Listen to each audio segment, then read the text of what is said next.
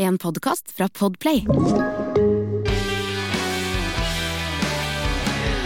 Oh la la la, her er Megne. Jeg heter Lise, og du heter Helene. Og dette er Helsemegne, en podkast til å le og grine av. Halla!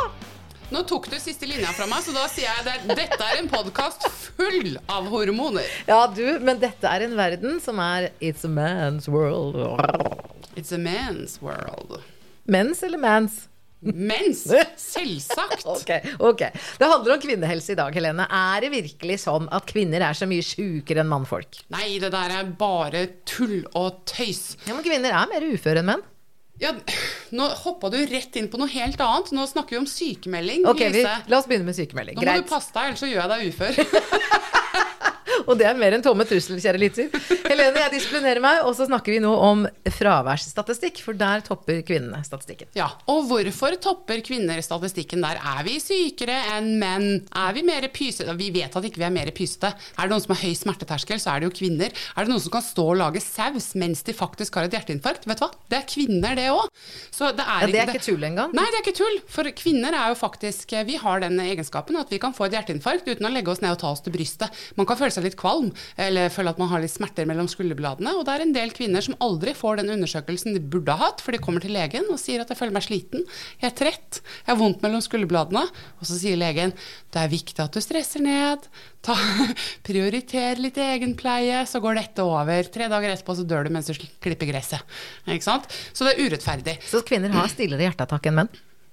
Det er, helt, eh, det er vanlig. Og nå er vi mer utsatt for det, og det handler litt om at man kanskje ikke blir tatt helt på alvor. Ok, Går du ned, så skal vi, lukker du døra, eh, så skal vi lage, fortsette å lage radio. Sønnen din har så søt stemme. Han er kjempenydelig. Han er det. Og du vet at han har jo én ting til felles med alle store mennesker i verden. Elvis, Jimmy Hendrix, alle presidenter, alle statsledere, alle genier, Madame Curie. Alle har én ting felles. De har kommet ut av en kvinne. Ja visst har vi det. Alle er født av en kvinne. Alle er født av en kvinne. Men når kvinner, tilbake til tråden, når kvinner topper statistikken for, syke, for sykefravær så er det fordi at verden og samfunnet er lagd for menn. Eh, og det som eh, er årsaken til at vi har et høyere sykefravær, det er jo ikke fordi at vi er sykere, det er fordi at vi har lavere inntekt. Det er enklere at vi er hjemme når barna våre blir syke. Og det er jo ofte sånn at når de legger fram sånne statistikker, så kan man jo bli fryktelig provosert, men det står ofte med små bokstaver også at man må kanskje eh, ta høyde for at noe av fraværet ikke skyldes sykdom på kvinnen selv, men hos kvinnens barn. Så det har en naturlig forklaring. Og så lenge vi har lønnsforskjeller, så lønner det seg jo at kvinnen går hjemme hvis barna er syke. Det lønner seg som regel, og ofte så er det jo sånn at det er barna syke. Hvem er det de har mest lyst på? Det er ofte mamma.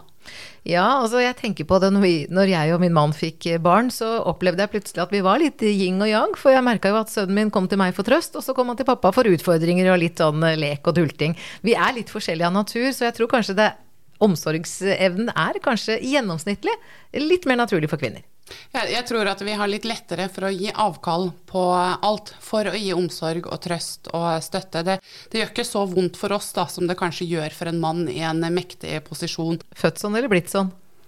Hva tenkte du på nå? Er det arv eller er det miljø? Er vi genetisk annerledes utstyrt enn menn, eller har vi bare lært at kvinner skal være omsorgsmennesker? Vet du hva, Der, nå, føler jeg at nå er jeg kanskje i ferd med å kaste meg ut i en eller annen dam jeg kan eh, klare å drukne i en centimeter. Jeg, for jeg mener faktisk at vi er ulike, eh, rett og slett. Ja, altså. Vi er jo ulike hormonelt.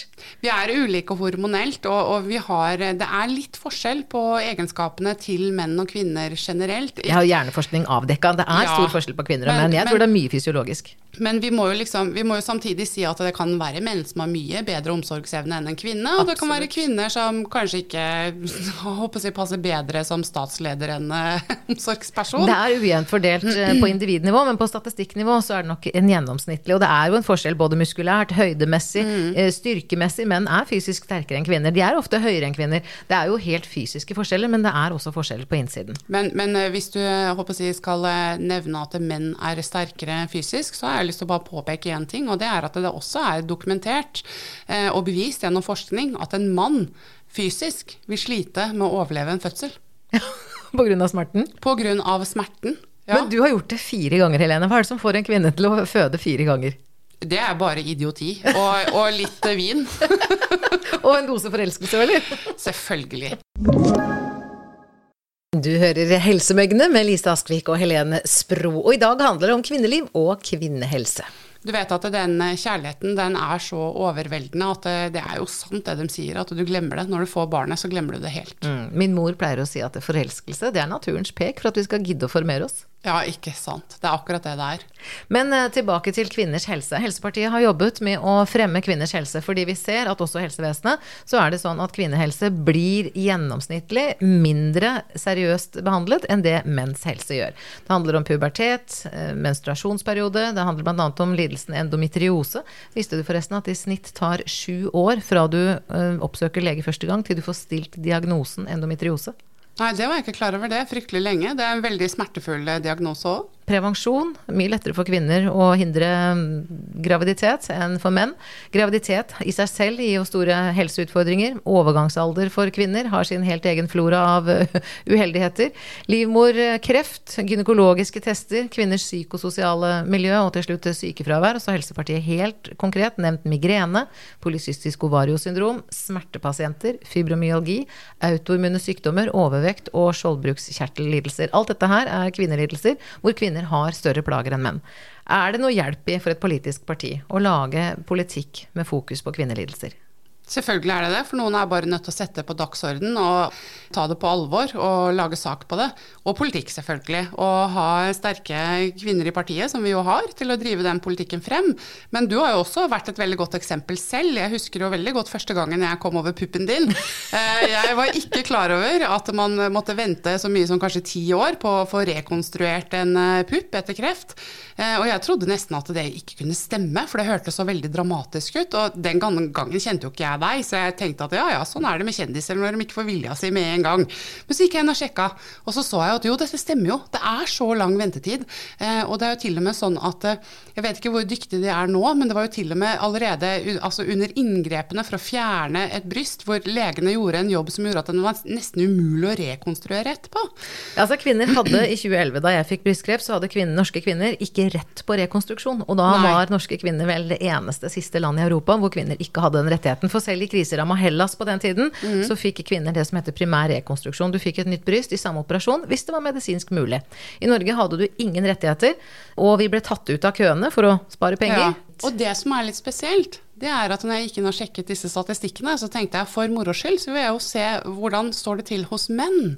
Og da oppdaget jeg det, at eh, hvis man pga. kreft i skrotum, eh, som er et veldig kledelig navn, eh, må fjerne en av ballene, mm så var ventetiden på å få operert inn en silikonball på ca. tre måneder. Ja, men du vet at hvis du hadde tatt den silikonballen og lagd pupp av den, så hadde den blitt for liten.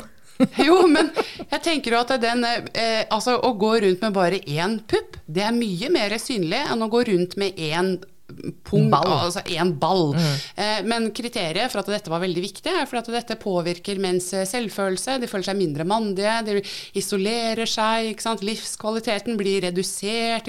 Alt pga. denne bitte lille golfballen. Ja, det var de helt sikre på. Mens når det kommer til kvinner, så har det jo mer enn en psykologisk effekt å ha ett bryst. Det handler om at kroppen må være symmetrisk for å fungere sånn som den skal. Og av Brystkreftforeningens 12 000 medlemmer på den tiden, så var brystrekonstruksjon det store problemet. For kroppen blir skjev hvis man har skjev belastning. Og du har jo relativt eh, velutviklet puppestell, vil jeg si. Og jeg òg hadde jo G-cup på den tiden. Så det å få rekonstruert etter tre års ventetid, så var det min tur i køen, og da hadde vi fått rettet det opp. Nå er det sånn at norske kvinner har rett til rekonstruksjon etter ett år. Det er ikke alltid det er medisinsk mulig, og det er ikke alle sykehus og helseforetak som er like flinke, men vi har i hvert fall fått på plass regelverket. Vi fikk 150 millioner kroner øremerket saken, og vi fikk opprettet ni nye plastiske kirurgstillinger som kommer mange pasientgrupper til gode. Ikke bare oss, men det er eh, brannskader, folk som vil skifte kjønn, leppe-ganespaltebarn og selvfølgelig rekonstruksjonspasienter. Mm. Så vi fikk retta opp i den feilen. Det var et halvt års politisk kamp. Men når det kommer til stykket, eh, man trenger å legge en sykdom bak seg, og man trenger en kropp som er symmetrisk for å fungere optimalt hvis man ønsker det. Men det er jo mm. noen som syns det er greit å leve med et bryst også, og da er jo det selvfølgelig helt frivillig. Det er ikke noe tvungen pupp. Nei, det er det ikke.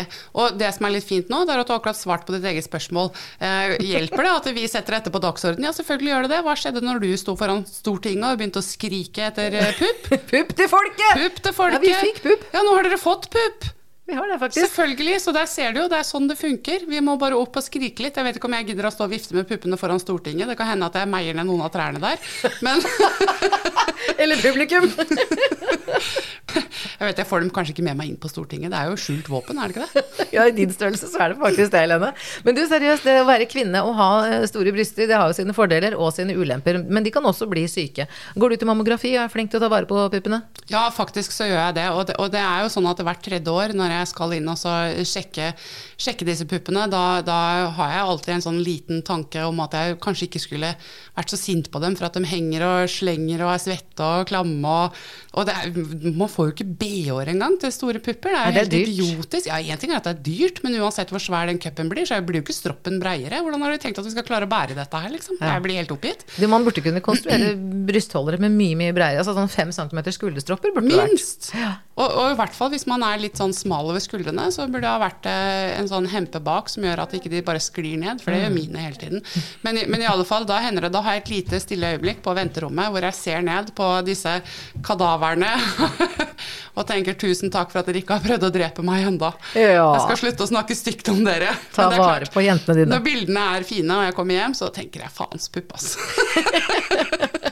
Men du, kvinnehelse handler om veldig mye mer enn bryster. Faktisk så er jo alle disse diagnosene som vi har tatt opp i vår resolusjon, de trenger ekstra fokus. Helsepartiet har tatt saken, men er velgerne, tror du, interessert i å ta vare på kvinnehelse? Selvfølgelig er de det. Det er jo i deres interesse. Det er jo vi som tar vare på dem, så det er klart de som må ta vare på vårt, selv, så går det jo rett vest.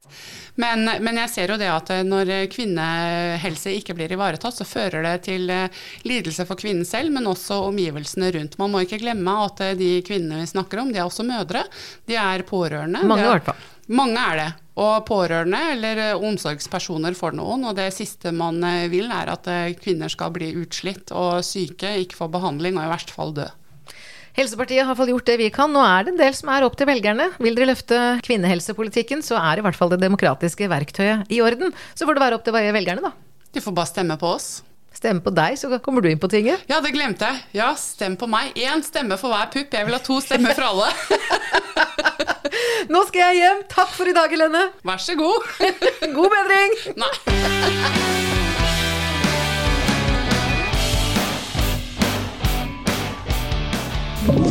Du har hørt en podkast fra Podplay. En enklere måte å høre podkast på. Last ned appen Podplay, eller se podplay.no.